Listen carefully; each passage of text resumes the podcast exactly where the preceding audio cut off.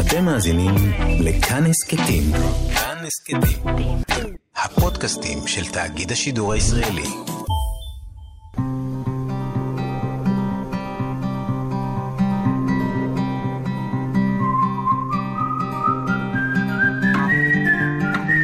אחת פלוס חמש. אורחים וספרים עם ענת שרון בלייס. יש משהו שאני מאוד מעריצה בדרך הכתיבה הזאת, שהוא אומר לך, שבי, עכשיו תשבי, את לא רצה לשום מקום.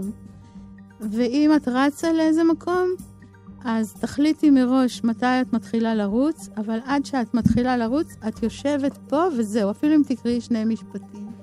אני מאוד מאוד מאוד מתגעגעת לכתיבה הזאת.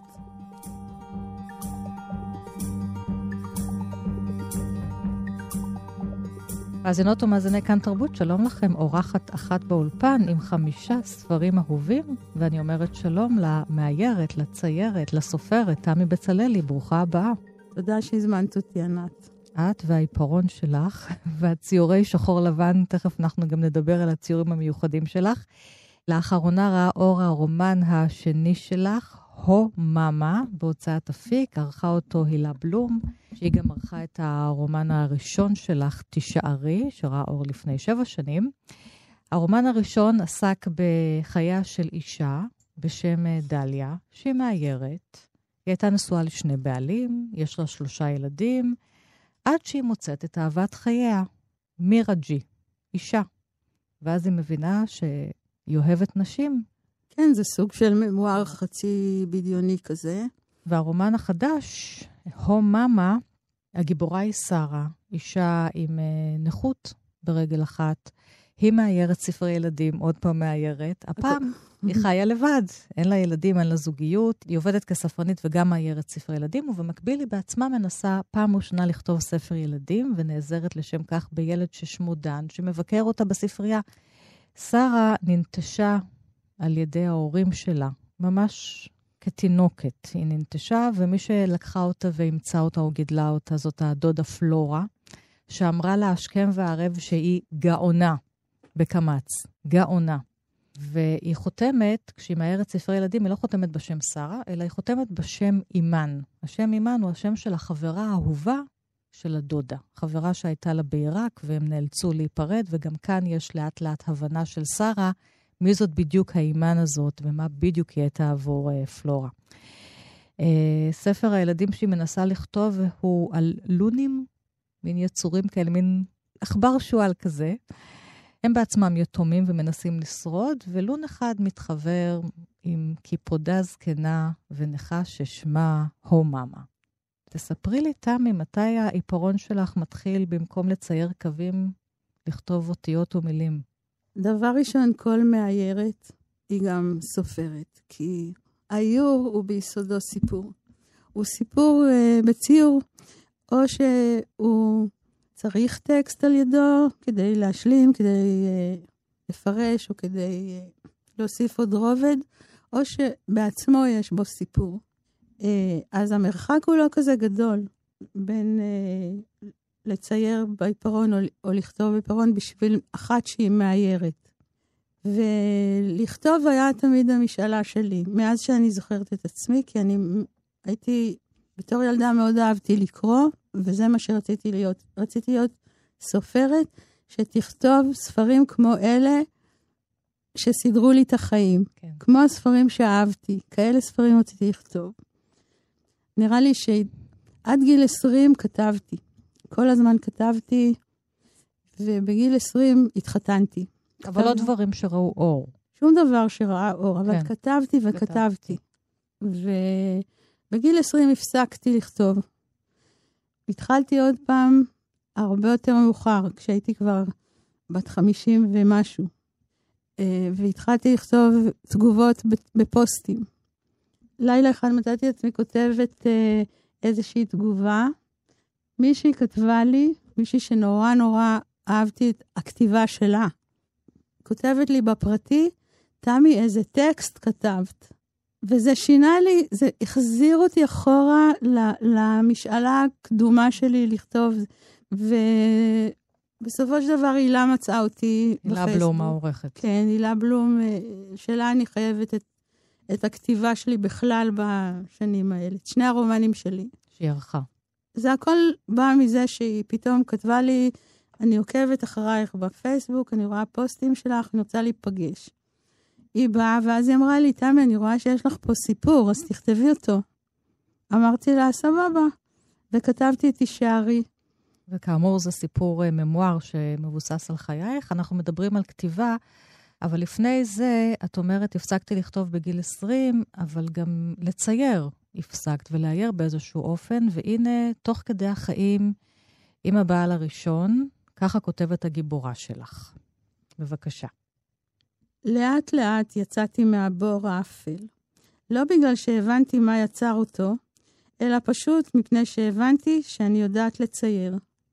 מהמבטים המשתאים של הפסיכולוגית, בכל פעם שהבאתי אליה רישום, הבנתי שאני מתקיימת רק בגלל שהיא רואה אותי, ושאני זקוקה למבט שלה כמו לאוויר.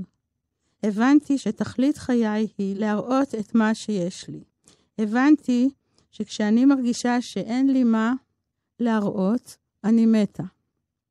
קלטתי שכל חיי התבוננתי בדברים שסביבי רק כדי שאוכל לזכור איך הם נראים. שאחרת, איך אפשר להסביר מניין אני יודעת לרשום בדייקנות שכזאת לב אנטומי למשל, או שתי חצוצרות מאוחות שעדיין תלויות משני צידיו של רחם נפוח, או עטלף, או לטאה. יותר מזה, הבנתי שככל הנראה אני יודעת לצייר כל דבר שאי פעם ראיתי, לא רק על דרך הצורה, אלא גם על דרך העיקרון. ולכן אני יכולה גם לשחק בו וגם להטות אותו כרצוני. לדוגמה, אני יכולה לרשום בית שלבוש כסופרמן, הולך ובוכה בתוך שלולית אוויר. הידיעה הזאת שאני יכולה להמציא הכל ולרשום הכל, שינתה את חיי. זה קטע שהוא על איך יצאתי מהדיכאון שלאחר לידה. של הילד השני. של הילד השני שלקח שלוש שנים, עד שהבנתי. והציור, האיור, אחר כך את הופכת להיות מאיירת של ספרי ילדים, מוציא אותך מזה. ואני רוצה לדבר על הנושא הזה של האימהות, כי הוא נוכח בספרים שלך. את מתארת פה הרבה את האימהות שלך, גם את האימא שלך עצמה. וגם בספר החדש, בהום מאמה, הרי הילדה נטושה, אין לה אימא. הדודה מגדלת אותה, והקיפודה היא סוג של אם מאמצת ללון בסיפור שהיא כותבת. נכון. הכוח של, ה, של הציור, זה, לא רק, זה לא הציור או הכתיבה, זה הקטע של ההתבוננות, שהיא לוקחת את השהות, את השהות להתבונן פנימה לתוך החיים שלה, אז היא תוציא תובנות מכל מפגש שיהיה לה. ואם אין לה אימא, והיא רוב החיים שלה, כל החיים שלה לא הייתה במגע עם זה, כי הייתה לה דודה שלא הסכימה שהיא תתקרבן, ושלא הסכימה שהיא, שהיא לא תהיה אופטימית. כאילו, החיים הם קשים וזהו זה. כל אחד בא עם השק שלו. אז לא, לא הייתה לה שהות בכלל אה, להסתכל על עצמה, על החיים שלה, ולוקח לה הרבה מאוד זמן עד שהיא מתחילה לכתוב את הספר של עצמה, שפתאום, דרך ציור שנפלט לה במקרה, בכלל היא לא תכננה אותו. של אותו לון. של אותו לון שמתקרבל בתוך, ה, בתוך הקיפודה הזקנה הזאת, היא מבינה פתאום את העיקרון האימהי. אז אני אומרת שלכתיבה ולציור, ובכלל לכל סוג של אומנות אה, שיש, יש כוח נורא מרפא. ואני... גם אותך? גם אותי. אני לא חושבת ש... אפשר לומר למאזינות ולמאזינים מדוע? אני לא חושבת שהייתי ממשיכה לחיות, כי גם לי יש סוג של... יש לנו במשפחה את זה, הבן שלי התאבד. אנחנו משפחה שבאמת, באמת, האומנות הצילה אותנו, מצילה אותנו תמיד. איך היא הצילה אותך אחרי שאסף שם קץ לחייו? את גם כותבת על זה בתישארי. כן, אני... ברומן הראשון. אני לא חושבת שזה משהו כזה שהלכתי לצייר ופתאום כן, הבראתי. ברור שלא. זה משהו בגישה לחיים, אני חושבת, בגישה לחיים. א', א', כמו, ש, כמו שסופרת, כן? היא כותבת, יש לה דמויות. Mm-hmm. היא לא יכולה אה, לכתוב עליהם באמת אם היא לא ממש אוהבת אותם ומבינה אותם. אפילו אם הם אנשים מאוד רעים. אז בשבילי, כל אחד שמסתובב סביבי והוא יקר לי, הוא דמות כזאת. ואני מבינה אותה ואני מאוד אמפתית, ואני אה, גם יכולה להבין החלטות שלה. אני רוצה אבל להישאר עם, אה, עם תמי האימא. כן. אחרי שאסף שם קץ לחייו, את צריכה לספר את האימהות שלך מחדש? כן, אה, הייתה, היו לי כמה, לא מחדש, התחלתי לחשוב עליה פעם ראשונה. התחלתי לשאול את עצמי שאלות, כי אין מה לעשות, אימא שמתאבד לילד, היא עומדת בפני השאלה הזאת, מה לא בסדר איתך? כן. הרי, הרי אם היית אימא כזאת כל כך טובה, אם היית אימא טובה, לא היה מתאבד לך ילד. את היית יכולה לתת לו את אהבת החיים, לא עשית מספיק. אה, אולי, אולי את עשית משהו שגרם לו לזה. ואת, הרבה אני חשבתי, בטח שחשבתי על הדבר הזה, המון, המון, אבל זה קרה לי בדיוק גם כשהתאהבתי מאוד בשרה גרוס. זוגתך היום. זוגתי היום. זוג, זוגתי לתמיד. כן. והקשר הזה בין האהבה לאובדן, הוא כל כך אה, נהיה פתאום ברור. כי אין דבר כזה, אין דבר כזה, גם, כש, גם כשהולך לך לאיבוד אה, מישהו, אם מתאבד ילד, אז אני הייתי צריכה להגיע ל, ל, לאהוב אותו מחדש. כי זה נורא מכעיס, וזה לא נורא פוגע. עצ... גם לאהוב את עצמך מחדש. זה יותר, מעבר לזה. כן. איפה הייתה האחריות שלי? דיברנו מקודם על דיכאון שאחרי לידה של הילד כן. השני. כן. שלוש שנים, שלוש שנים שהיה לי ילד בן שנתיים וחצי, שהסתובב בבית, כשנולד אחיו הקטן, התינוק, שהייתי שלוש שנים בדיכאון, איפה הוא היה, אני לא זוכרת. אני לא זוכרת אותו בשלוש שנים האלה. אז ו... אני מניחה שיש לי אחריות על זה. יש לי מה לעשות עם זה? לא. ואת זה את יוצקת לתוך הכתיבה שלך, שאת אומרת שהיא גם המקום של הריפוי. אני חוזרת לספר החדש, להום מאמה. הגובורה שלך, שרה, שהיא כל כך בודדה, ואישה טובה, מנסה לעזור לאחרים גם כשמנצלים אותה, וחיה בבדידות, בטח אחרי שדודה שלה מתה. אבל לאט לאט, תוך כדי שהיא עובדת על הציור הזה עם אותו ילד, עם אותו דן, על הספר ילדים הזה, על הלולים, לאט לאט היא גם מבינה את החיים של הדודה של הפלורה לאחור. ומי זאת אימן באמת בשבילה. אז בואי נקרא גם פה מהספר. ותוך כדי זה היא גם מבינה משהו על עצמה, שרה. זה מתוך מאמה. שרה תמיד הייתה מאלה שהכל קורה להן בו זמנית. הבו זמניות תמיד הייתה עניין גדול בחייה. פעם נתנה 400 שקל לאדם זר בגלל שהיה במצוקה, כשבו זמנית ידעה שהוא מרמה אותה. ובפעם היחידה בחייה שבאמת ראתה את הורי החיים וקיימים ומוחאים לה כפיים, בטקס ההצטיינות שלה באוניברסיטה, בו זמנית הם כבר היו זוג מומיות בקבר. ותמיד, אבל תמיד כשהיא חושבת על ילד משלה, בו זמנית היא רואה אותו מת. רק שעכשיו, בדיוק ברגע שהחיים שלה קורים באיזשהו כיוון, זה נוחת עליה כמו בפעם הראשונה. לנעמי טוונטימן יש ילד. היא בעצמה סיפרה לה, וזה דווקא ילד חי מאוד, ואלוהים יסלח לה, אבל כרגע זה אפילו יותר גרוע בעיניה. כי מה בדיוק היא אמורה לעשות איתו? תמיד זה בא לה ככה, בדרמות. היא חושבת על פלורה ואימן, שהיו חברות נפש, שחלקו סודות גדולים וגידלו ילדים בתקופה נוראה, בסביבה אכזרית. כולם חשבו שהן אחיות שהתאלמנו. ככה פלורה אמרה, ורק עכשיו שרה קולטת שפלורה אמרה שזה מה שאנשים חשבו. אבל מה היא ניסתה להגיד לה? כולם חשבו שהן אחיות שהתאלמנו, ולפתע ברור לה, כמו האבנים בשדה, שדודתה פלורה וחברתה הטובה אימן לא היו סתם חברות, אלא חברות שאהבו זו את זו ממעמקי הפוט. בסביבה גברית ובזמנים חשוכים, בעיראק של המאה הקודמת, היה מוטב לזוג נשים שכזה להיות עמוק עמוק בארון, ושכולם יחשבו שהן אחיות שהתאלמנו. איך לא הבינה? היא לא רק מבינה על פלורה, היא גם מבינה על עצמה, דרך אותה חוקרת מוח, נעמי. כן. שהיא פוגשת במקרה, והיא בכלל, במחקרי מוח שלה, השתמשה בציורים של שרה, באיורים שלה, שהיא מצאה אותם. וכל המקריות פה מתחברות, אנחנו לא נגלה למאזינות ולמאזינים מה קורה, אבל אנחנו מדברות סביב חודש הגאווה, ואת כותבת בספר איך פלורה אומרת לה, שתי נשים ביחד. זה כוח. זה הכי הרבה כוח בעולם, זה יותר מאישה וגבר. נכון. זה יותר מגבר וגבר. שתי נשים ביחד. את חיה עם אישה.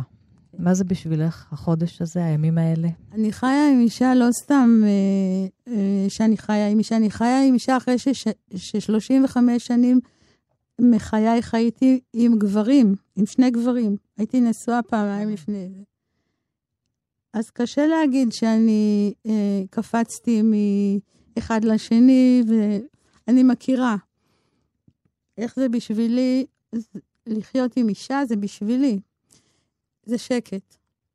זה שקט. לא שיש שקט בבית ולא רבים. אה, רבות מאוד, ולפעמים יש הרבה רעש. אבל זה שקט במובן הזה של בית, שיש בית. גם אני לא כל הזמן בסוג של חידה. איך להגיע, איך להבין את הפסיכולוגיה שלה. היא מאוד קרובה אליי, מאוד. אני יודעת איך הראש עובד. אז יגידו לי שזה אותו דבר, וזה לא, זה לא נכון, זה לא אותו דבר. גברים ונשים זה לא אותו דבר. ו, וגברים הם אחלה, ואני מתה על, עליהם, ויש לי שניים, כאילו, גידלתי שניים, ואני רואה... הם, הם מעולים, אבל יש עניין של משיכה, איפה... כי למה אני אומרת את זה? כי הרבה גברים אה, שקראו את תישארי, נורא התחילו לדאוג, אולי גם לאישה שלהם זה יקרה. זה לא קורה לכל אחת.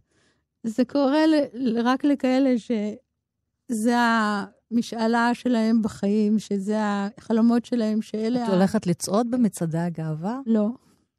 אבל את גאה? את ושרה גאות? שרה לה הולכת ב... היא צועדת, והיא כן. מאוד גאה, והיא מאוד שמחה ש... והיא קוראת לעצמה בחופשיות לסבית, וזה אני רק בזמן האחרון התחלתי להגיד, טוב, בסדר, לסבית, בסדר. אני, אני לא אוהבת תיוגים, אבל אני לא חושבת שזה קשור לגאווה או למצעדים או להפגנות. אני פשוט לא אוהבת תגים ותיוגים.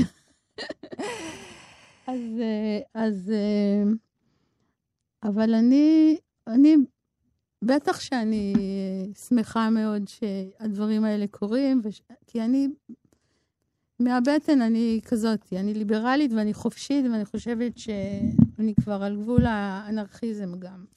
איך זה קשור לציור שלך, שהוא רק בשחור לבן? כי את כותבת על זה גם בספרים שלך. כאילו, הרגע הראשון זה להגיד, רגע, איפה הצבע? אבל כן. בעצם השחור לבן מאפשר איזה עומק שאולי הצבע לא מאפשר. נכון. אנחנו, תסבירי לי גם, את זה. גם אנחנו רגילות, אנחנו רגילות לחיות בעולם שיש בו גם צבע וגם נפח. כן. אה, דף הוא משהו שטוח, שאין בו, שאין בו נפח, וממילא אנחנו עושים אשליות כשאנחנו מציירים. מטבעי, נולדתי ככה שאני לא רואה צבעים. עכשיו, אני לא יודעת אם אני לגמרי עיוורת צבעים. יש כמה גוונים שאני לא מבחינה בהם, אבל זה לא משהו שאני יכולה להגיד שאני, יש לי עיוורון צבעים אה, קיצוני, בכלל לא. והיות ו... ואני מספרת סיפור תמיד, אז אני לא צריכה צבע בשביל הסיפור, מספיק לעשות קונטורים, מספיק לעשות אה, אור וצל ונפח ועומק וכל זה. וזה השתכלל, ואני לא צריכה, לא, לא צריכה צבע, פשוט. את כותבת על שרה. היא תמיד מעדיפה את השחור לבן, כי כשמציירים בשחור לבן, הניגודים בין הכהה לבהיר הם שתופסים את העין, והם הרבה יותר חשובים מהאמת על תאורה. וחוץ מזה, היא יודעת בדיוק עד כמה היא יכולה להתגרות בהיגיון הפיזיקלי של המציאות באיוריה, לפני שיאבדו מאמינותם. והיא תמיד עובדת לאט, כי אם יופר האיזון בין השחור ללבן, בן רגע יהפוך הציור כולו לערבוביה צבעונית, ולזה אין לה כוח. צבעים מעייפים אותה. ככל שהיא מציירת אותם, הלונים הולכים ונעשים לה מוחשיים. על הכריכה של הו מאמה יש איור, בשחור לבן כמובן, של הקיפודה הו מאמה. ואנחנו עוד uh, נמשיך ונדבר בספרים האלה, ואולי נקפוץ שוב ביניהם אל ההורים שלך, שאת כותבת אליהם הרבה בספר הראשון, בתישארי, uh, ילידי עיראק, ואנחנו פה הולכות בבניין של הרדיו, מגיעות לאולפנים, ואת אומרת, איך זה מזכיר לי את הילדות שלי, כמה הסתובבתי באולפנים? כי אביך, יצחק בר משה, ניהל את המחלקה המדינית בכל ישראל בערבית, הוא עשה עוד הרבה דברים uh, בתחום שירות החוץ. היית באה איתו ל- לרדיו. באתי איתו לרדיו, כי זה שוב, זה היה מקום של מספרי סיפורים. נכון? מה עושים ברדיו? פודקאסט, היום קוראים לזה פודקאסט. פודקאסט, נכון. אבל uh, הוא היה מספר סיפורים, הוא היה כותב שיחות, ומישהו היה מקריא את זה. אני זוכרת שהוא היה מוצא uh, אנשים עם היגוי מיוחד, עם מנגינה, עם מוזיקה בקול, שיקראו את השיחות שהוא כותב. וזה ריתק אותי, אני לא הבנתי מילה. אני לא יודעת ערבית, למרות שגדלתי בבית של דוברי ערבית, אף פעם לא דיברו איתי ערבית. אני שמעתי ערבית בחדשות, ומדי פעם בטלפון שהוא דיבר עם, עם חברים, בבית דיברו אנגלית. יש לי בית מאוד מוזר. ואבא שלך באחרית ימיו אה, נמאס לו ממה שקורה לו, בארץ. הוא עזב ועבר לחיות במנצ'סטר. כן, קנו בית במנצ'סטר, אבל... ונסעו, הלוך וחזור, הלוך וחזור. אבל היה בזה משהו אני... פוליטי, איזו מחאה פוליטית. אני לא רוצה כזה. לחיות פה כן, יותר. הוא לא רצה, הוא התייאש. ממה? כשהוא, כשהוא עבד ברדיו, אז היה לו חזון של שלום, כן. והוא, השת... והוא חשב שהרדיו בערבית הוא גשר, ודרך ה... דרך המקום הזה הוא יכול uh, ליצור שפה עם המדינות השכנות שלנו. Uh, היו לו כל מיני ניואנסים, והוא ישב ופיתח אותם יחד עם חברים. אני, אני ראיתי את זה בעיניים שלי. ימ, ערבים שלמים היו יושבים ו, ומדברים על זה, וכמה מתעצבנים שמישהו בא וישר uh, מקלקל עבודה. ואחרי מלחמת לבנון הוא ממש התייאש.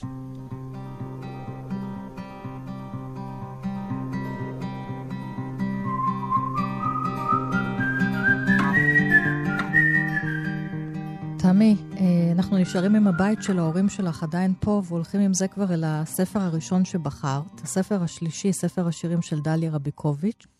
ודליה רביקוביץ', את מתחילה להתכתב איתה כשאת בת 16. נכון. את לומדת בבית הספר איזה שיר שלה, ואת כותבת לה כל יום והיא עונה לך, ובשלב מסוים היא אפילו אומרת לך לטלפן, כי זה יותר קל. נכון. ואז יום אחד, דפיקה בדלת של הבית שלך, ושם טוב, עומדת... אחרי שהכרנו, כן, אחרי שכבר נפגשנו גם. כן. שם עומדת דליה רביקוביץ' עם מזוודה.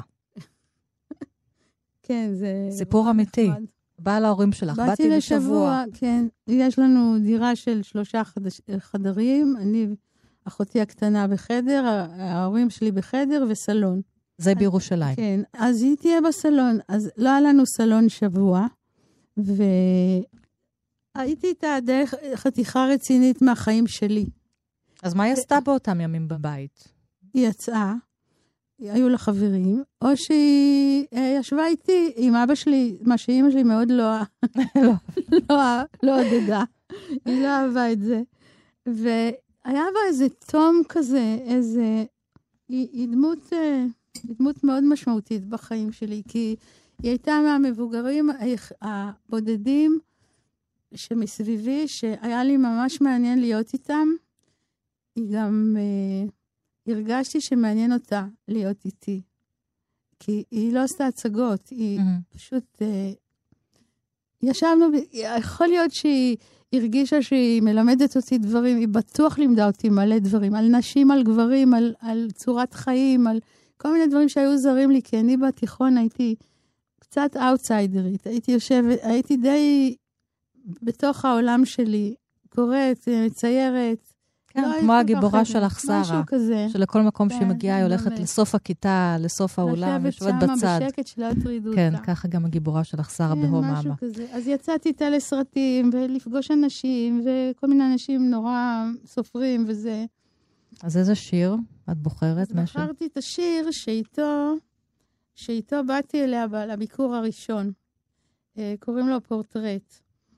היא יושבת ימים רבים בביתה. היא קוראת עיתונים.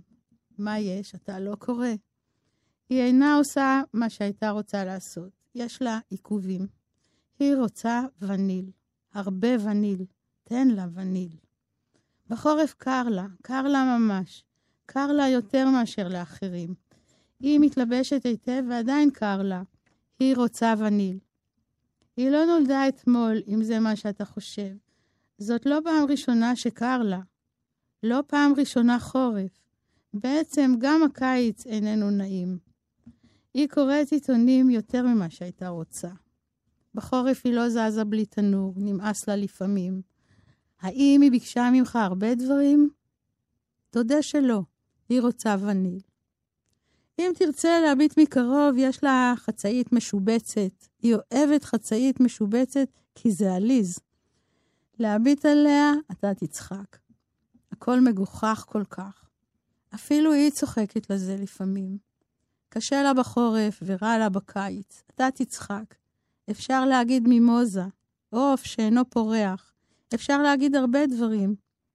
היא תמיד מתעטפת במשהו ונחנקת. לפעמים חצאית משובצת ועוד בגדים. תשאל, למה היא מתעטפת כשאפשר להיחנק? הדברים האלה מסובכים. זה הקור בחורף והחום המופרז בקיץ, אף פעם לא כמו שצריכים. ודרך אגב, אל תשכח, היא רוצה וניל. עכשיו, היא אפילו בוכה. תן לה וניל. מה זה הפורטרט הזה של דליה, שברור שהיא מבצבצת בו? וניל זה משהו שמשפר את החיים. Mm. אני הרגשתי את זה. ואני אני חושבת שגם נעניתי לזה, כי אני מאז ומתמיד נעניתי ל, לסבלותם של אחרים, ובמיוחד אנשים ש... זאת אומרת, זה לא במיוחד, אני לא הכרתי אנשים הרבה כמו דליה, הכרתי הרבה אנשים יוצרים, אבל לא כאלה, עם הומור עצמי כזה, כן. עם אה, צניעות כזאת.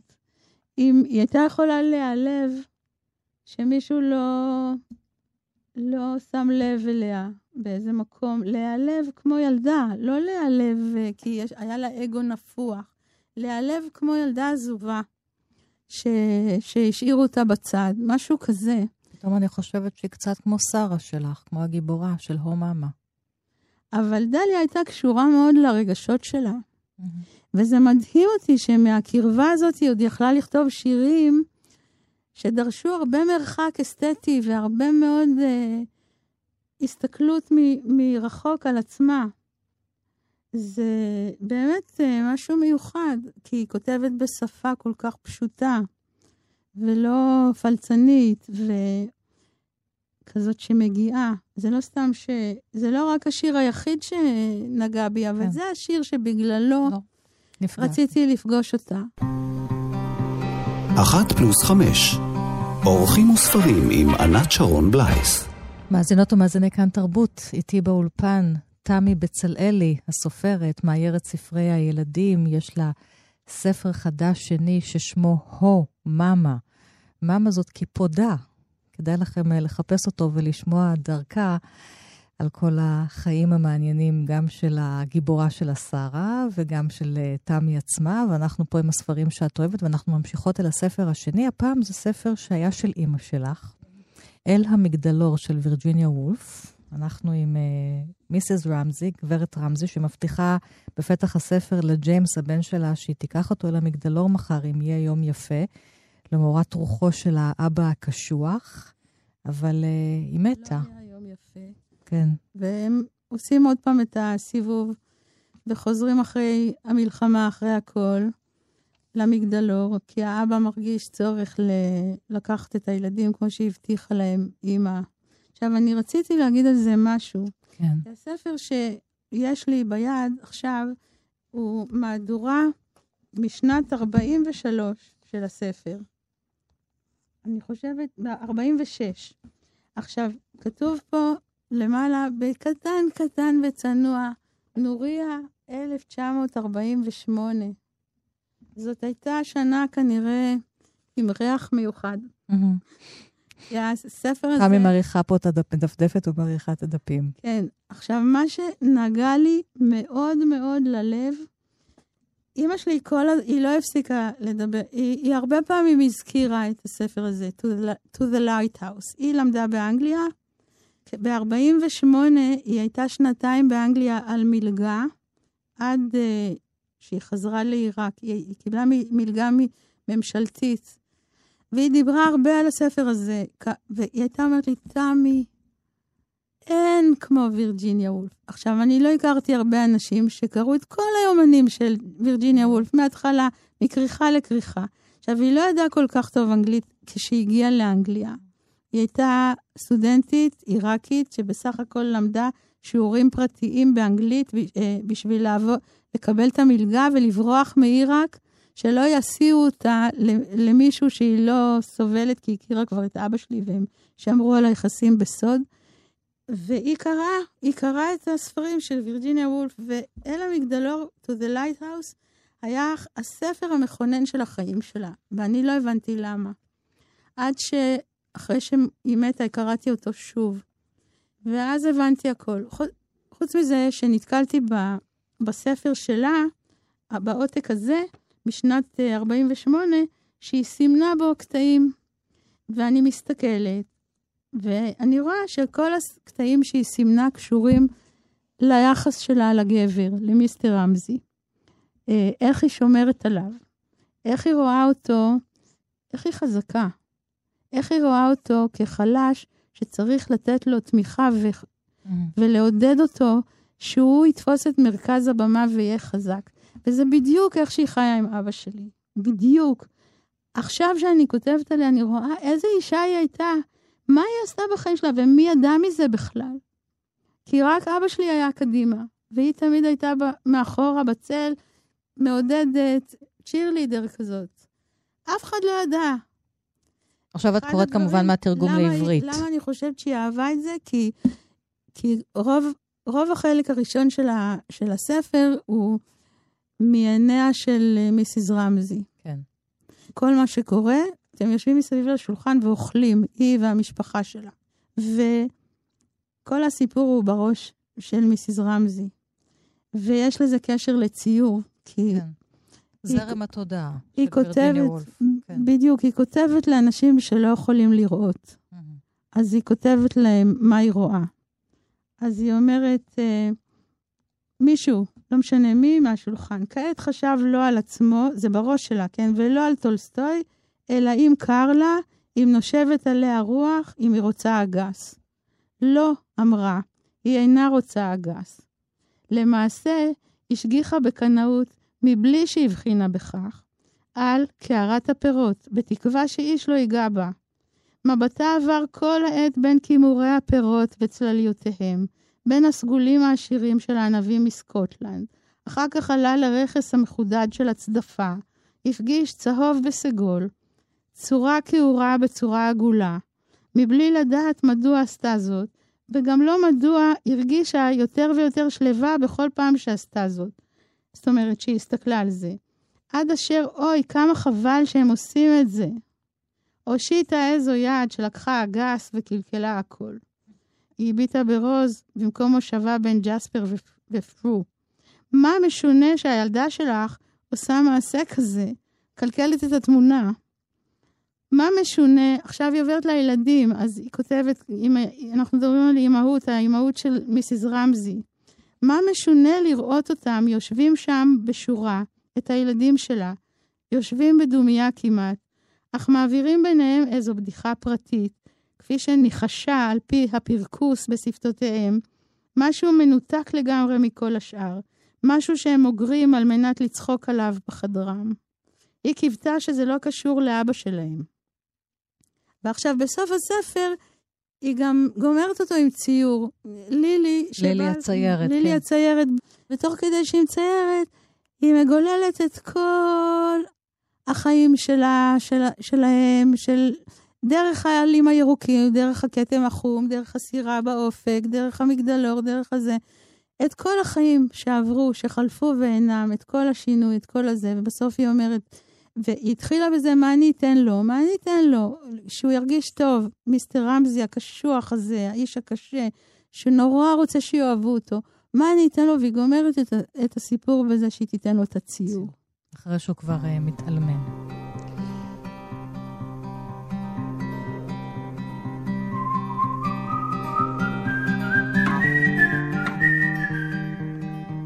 אנחנו נשארים עם אמהות ובנות, והולכים לספר השלישי שאת בוחרת, בדמי ימיה של עגנון. כן. אה, נשמע קטע שלו קורא כן. על תרצה. תרצה הילדה, בדמי ימיה מתה אימי, כבת שלושים שנה ושנה הייתה אימי במותה. מעט ורעים היו ימי שני חייה, איך עגנון מושך פה את החוט מיעקב אבינו. בדמי ימיה מתה אימי, כבר שלושים שנה ושנה הייתה אמי במותה, מעט ורעים היו ימי שני חייה. כל היום ישבה בבית, ומן הבית לא יצאה. רעותיה, שכנותיה לא באו לבקרה, וגם אבי לא הקדיש את גרועיו. דומה מעמד ביתנו ביגונו, דלתיו לזר לא נפתחו. על מיטתה שרבה אמי, ודבריה היו מעטים, ובדברה כמו נפרסו כנפיים זכות ויובילוני אל היכל הברכה. מה אהבתי את קולה, פעמים הרבה פתחתי את הדלת למען תשאל מי בא. ואז היא מתוודעת לכתבים, ניירות שאימא שלה מעלה באש לפני שהיא מתה, ולימים היא לומדת שהניירות האלה הם מכתבים, שירים שכתב לה עקביה מזל, מי שהיה האהוב שלה, שלא לא היא נישאה כי אבא שלה הועיד אותה לאותו אה, מר מינץ. וכמו אצל עגנון, תרצה נכנסת לאיזשהו דיבוק, או אימא שלה נכנסת לדיבוק בתוך תרצה, והיא עצמה מתחתנת עם האהוב של אימא שלה. זה כמובן לא נגמר טוב. היא יושבת וכותבת את זיכרונותיה, תרצה. פה, פה רציתי להתעסק עם הכתיבה. כן. אבל הכתיבה עצמה, שהיא סיפור של, של קומפוזיציה, של מוזיקה. הסיפור בעצם הממואר שלה. שנכתב דרכו. למה רציתי שתשמיע את זה בקולו? כי שומעים הכל, לא צריך לקרוא אפילו, לא כן. צריך. מעט ורעים היו שני, ימי שני חייה, וזהו, כאילו, כל השאר זה לפרט את זה. לפרט את זה לפרטי פרטים, אבל לפרטי פרטים בדרך שהוא מפרט את זה, לאט-לאט, עם מוזיקה, אם תכף תתעכבו על המשפט הזה, תקראו אותו, תראו הלאה. אני חושבת שה... יש משהו שאני מאוד מעריצה בדרך הכתיבה הזאת, שהוא אומר לך, אה, שבי, עכשיו תשבי, את לא רצה לשום מקום. ואם את רצה לאיזה מקום, אז תחליטי מראש מתי את מתחילה לרוץ, אבל עד שאת מתחילה לרוץ, את יושבת פה וזהו, אפילו אם תקראי שני משפטים. אני מאוד מאוד מאוד מתגעגעת לכתיבה הזאת. משהות. כן. בחדרי בלילות, בעשות אישי את מלאכתו, ואירע פן אפריע אותו ממעשהו, ואשב בדד ואכתוב את זיכרונותיי. יש אשר אמרתי, על מה כתבתי את זיכרונותיי, מה החדשות אשר ראיתי ומה הדברים אשר יש עמי להודיע אחריי. ואומר, על אשר אמצא מרגוע בכותבי, ואכתוב ככל הכתוב בספר הזה. זה ממש כמו משה שאומר את הדברים. נכון. את יודעת, אני חושבת על זה שהיום כן. אנשים הולכים אה, לסדנאות הערה, בשביל להגיע עם, כן. עם מסקנה כזאת. אה, אני מי שאני, אני אכתוב איך שאני כותבת, אני אעשה מה ש... כאילו, התובנה הזאת המאוד עמוקה של האישה הזאת, שהיא... היא תכתוב, זהו, לא... איך שהיא כותבת, היא כותבת. זיכרונות, כן חדשות, לא חדשות, היא לא תטריד את עצמה אם יש בזה משהו מעניין או לא מעניין. היא כותבת את זה. היא כותבת. תרצה הופכת לאישה הכותבת.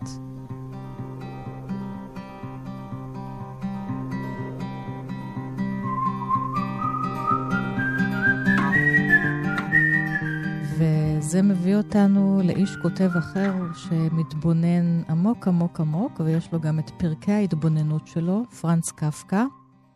יש לו ספר שנקרא פרקי התבוננות, קטעים מאוד קצרים. אז אני אקרא עכשיו. נראה לי. הרצים. הרצים על פנינו.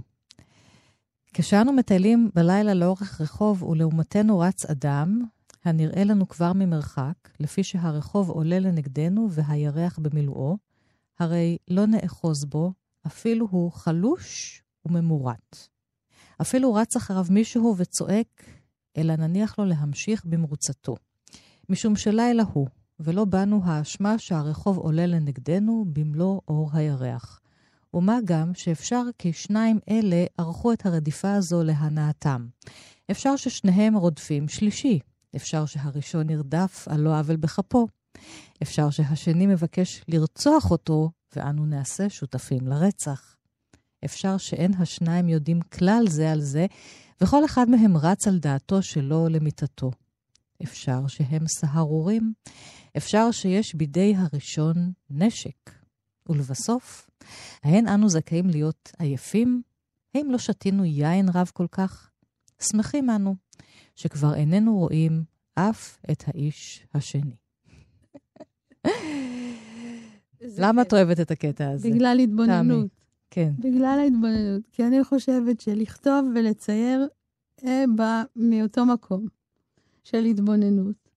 אנחנו מתבוננים כאילו על משהו מבחוץ, הנה הדמות הזאת, הנה הסיטואציה, הנה הלוקיישן. מתבוננים, הנה, הנה הסטינג. ולאט לאט זה הופך להיות התבוננות שלנו בתוך עצ... לתוך עצמנו. סך הכל אנחנו עייפים, אין לנו כוח להתעסק עכשיו באינטראקציות. לעזור למי שצריך, או... או... אנחנו גם לא יודעים מה קורה, אז אנחנו כן, אבל- ממצ... אז אנחנו, ממציאה. קודם אנחנו מס, מספרים סיפור, לעצמנו כן. את הסיפור הזה, שמי יודע בכלל, זה סתם, זה סיפור שלנו. והמסקנה בסוף היא, טוב, יאללה, אנחנו עייפים, בוא נלך לישון. אה, לא מגיע לנו קצת לנוח? ממי? רק מעצמנו. רק מעצמנו. אז ההתבוננות הזאת היא, היא, נהדרת ויש בה גם הומור. כן. שזה משהו שאצל קפקא יש המון, אבל צריך לקרוא אותו ביס... ביסודיות באמת כדי לקרוא כל אותו. מילה, ורואים את זה. רואים את זה כל הזמן, את הציניות, את ההומור הדק הזה, שגם כשאת קוראת סיפורי זוועה כמו הגלגול, ודרך אגב, על קפקא, הוא לא הסכים שאף אחד יאייר אה, את הספרים שלו. כי הוא טען שברגע שאת נותנת דמות לחרק הזה, אה, איך קוראים לזה? למקק הזה, ל- ל- רגור סמסה, כן. לגרגור הזה, אז את חוסמת את הצופה, את הקורא, כן. לאיזו צורה מסוימת, ואחר כך הוא לא יכול לדמיין אותו, כל הזמן משתנה. הרי, בסיפור כל הזמן חושבת- משתנה. נכון, כל הזמן, אז מה את חושבת על זה כמאיירת? כמאיירת, קפקא היה בא אלייך. זה היה מאוד מאוד מאתגר אותי, והייתי עושה אותו בצורה כזאת, הייתי עובדת על זה המון. למצוא את, ה, את הדמות הזאת שמכילה בעצ... בתוכה את השינויים. שאם אם לרגע את רואה אותה ככה או ככה, אז את עדיין מזהה שזה אותו אחד. אבל את תראי אותו, אה, את תראי אותו כל פעם משתנה. פעם הוא כזה קטן כמו זבוב, ופעם הוא ענק ממלא את כל המיטה. כן. אה, פעם הוא מסתכל על הכפות רגליים שלו, אה, והוא לא רואה כי הבטן מסתירה, ופעם הוא, אה, מטאטאים אותו החוצה מהחדר, כמו גרגר אבק. אז שכל הדברים האלה יהיו בתוכו, ואפשר. הכל אפשר.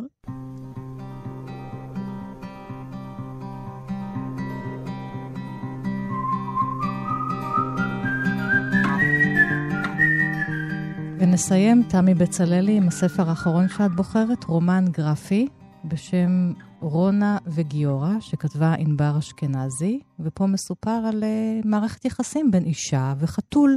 כן, יש פה שתי מערכות אה, יחסים, אחת שלה עם החתול, שהחתול איתה, כי הכל מסופר דרך החתול, דרך החתול, כן. ומערכת יחסים שלה עם מישהו, עם אה, חבר, עם בן זוג, או, או שנהיה במשך הרומן בן זוג. והחתול מספר, ב... הוא צופה מהצד. עכשיו, על מה הוא צופה מהצד? על הציורים. הוא רואה את ההתרחשות, אבל הוא מספר מעצמו, כי חתולים הם כאלה, הם מדברים על עצמם, זה לא כל כך מעניין אותם. אבל אותנו מעניין מה הוא רואה. כן.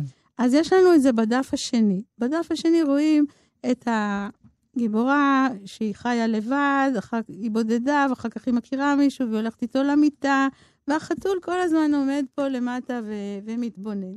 בכל, בכל דף יש לך את החתול, קטנצ'י כזה, איור קטן של חתול שעומד ומתבונן. זה כל כך שוויוני ברומן הגרפי הזה.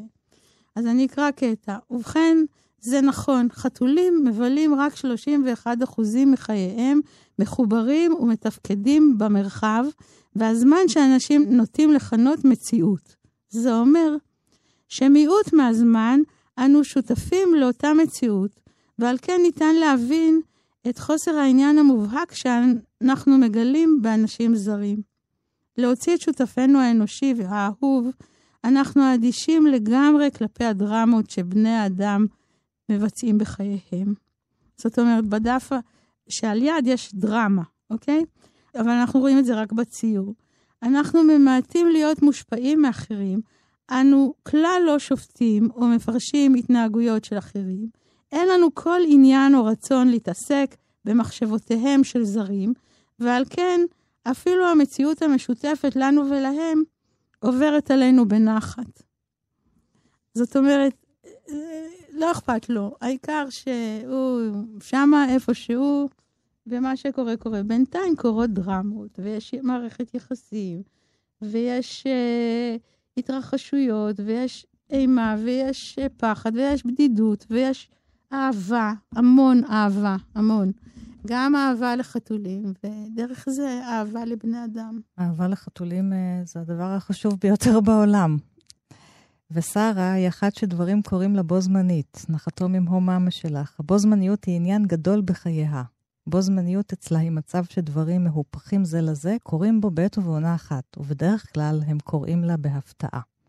בואי תמשיכי אותי עוד כמה שורות. היא מגיעה לכתובת שמוכרת לה היטב, ובו זמנית הולכת לאיבוד. היא נכנסת למיטה וישנה שינה עמוקה, ובו זמנית היא בשולחן העבודה שלה עובדת עד לפנות בוקר. בו זמנית היא קמה ונשארת. בו זמנית הולכת לאיטה ורצה. ברור שהיא יודעת שהכל קורה לה בראש, אבל אצלה הבו זמניות קיימת לגמרי והיא מציאות. הבו זמניות מאלצת אותה ממש לחיות פעמיים, וזה מתיש. ואין מה לעשות עם זה. והבו זמניות הזאת שהלכה והתחזקה אצלה עם השנים, התחילה עוד בילדותה. כילדה, כל ציור נפלא שציירה היה בו זמנית לא יותר מדף מלוכלך מלא טעויות. הסופרת והמאיירת תמי בצלאלי, תודה רבה שבאת לכאן עם הספרים שלך ועם אהבת האישה שלך, גם לכבוד חודש הגאווה. תודה רבה. לי קוראים ענת שרון בלייס, כל התוכניות שלנו תמיד בעמוד ההסכתים של אה, כאן תרבות, של אה, תאגיד השידור, עוד פרטים בדף הפייסבוק שלנו. תודה לכם, מאזינות ומאזיני כאן תרבות, ולהתראות.